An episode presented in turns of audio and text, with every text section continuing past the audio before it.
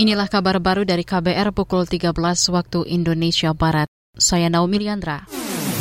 Kabar Pemilu. Kabar Pemilu. Badan Pengawas Pemilu Bawaslu mengungkap masih banyak aparatur sipil negara ASN di daerah yang terlibat politik praktis saat pemilihan kepala daerah. Motifnya agar yang bersangkutan mendapat jabatan strategis bila calon yang didukung menang di pilkada. Berikut keterangan Deputi Bidang Dukungan Teknis Bawaslu, La Bayoni. Dalam pelaksanaan pemilu, lebih-lebih pilkada di daerah. Banyak ASN yang sengaja melibatkan diri dengan hitungan-hitungan yang real. Dalam arti bahwa kalau anda kan yang bersangkutan uh, melibatkan diri dalam pelaksanaan pemilihan, jika calon yang dia dukung itu menang, maka dapat dipastikan yang bersangkutan dapat atau menduduki jabatan-jabatan strategis. Deputi Bidang Dukungan Teknis Bawaslu Labayoni mengingatkan praktik dukung-mendukung di pilkada akan berdampak pada kualitas layanan publik. Sebab aparatur yang diangkat bukan karena faktor kompetensi, tetapi politik balas budi dari kepala daerah terpilih. Data Bawaslu menyebutkan lebih dari 2.000 ASN dilaporkan melanggar asas netralitas sepanjang 2020-2021. Dari jumlah itu ada 1.500-an ASN yang terbukti melanggar. Kita ke soal lain, Kementerian Energi dan Sumber Daya Mineral ESDM didesak memperkuat sektor manufaktur panel surya.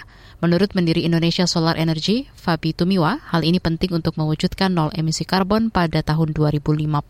Penguatan juga dibutuhkan seiring meningkatnya permintaan listrik dari tenaga surya di Indonesia.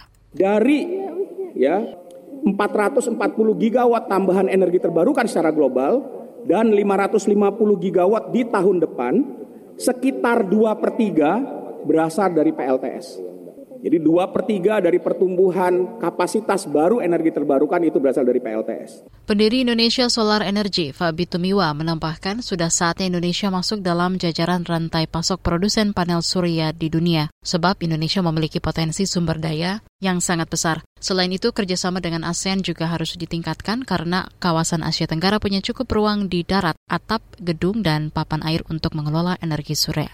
Beralih ke Jawa Timur, Pertamina mengakui penyaluran gas LPG 3 kg sering tidak tepat sasaran. Sales Brand Manager PT Pertamina Banyuwangi Jawa Timur, Denny Nugrahanto, mengungkapkan di lapangan banyak temuan gas LPG bersubsidi justru digunakan oleh unit usaha skala menengah. Karenanya Denny mengklaim Pertamina telah menerbitkan dan terus menyosialisasikan kebijakan subsidi tepat sasaran. Kan ini peruntukannya sebenarnya hanya untuk usaha mikro.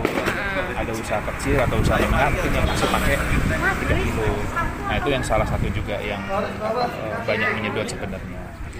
Jadi yang usaha diperbolehkan pakai LPG 3 kilo ini kan hanya untuk rakyat yang prasejahtera, kemudian dengan usaha mikro. Gitu. Jadi kalau kategorinya masuk usaha kecil atau usaha menengah itu sebenarnya tidak boleh. Sales Brand Manager PT Pertamina Banyuwangi, Denny Nugrahanto, mengakui sulit mengawasi distribusi gas LPG 3 kg di tingkat pengecer sehingga rawan disalahgunakan. Sebelumnya kelangkaan gas LPG 3 kg atau gas melon terjadi di sejumlah daerah seperti Kalimantan Timur, Sulawesi Selatan, Jawa Timur, dan Bali. Pertamina Patraniaga mengklaim stok dan distribusi gas melon masih normal, hanya saja terjadi peningkatan konsumsi pada bulan ini. Demikian kabar baru, saya Naomi Liandra undur diri.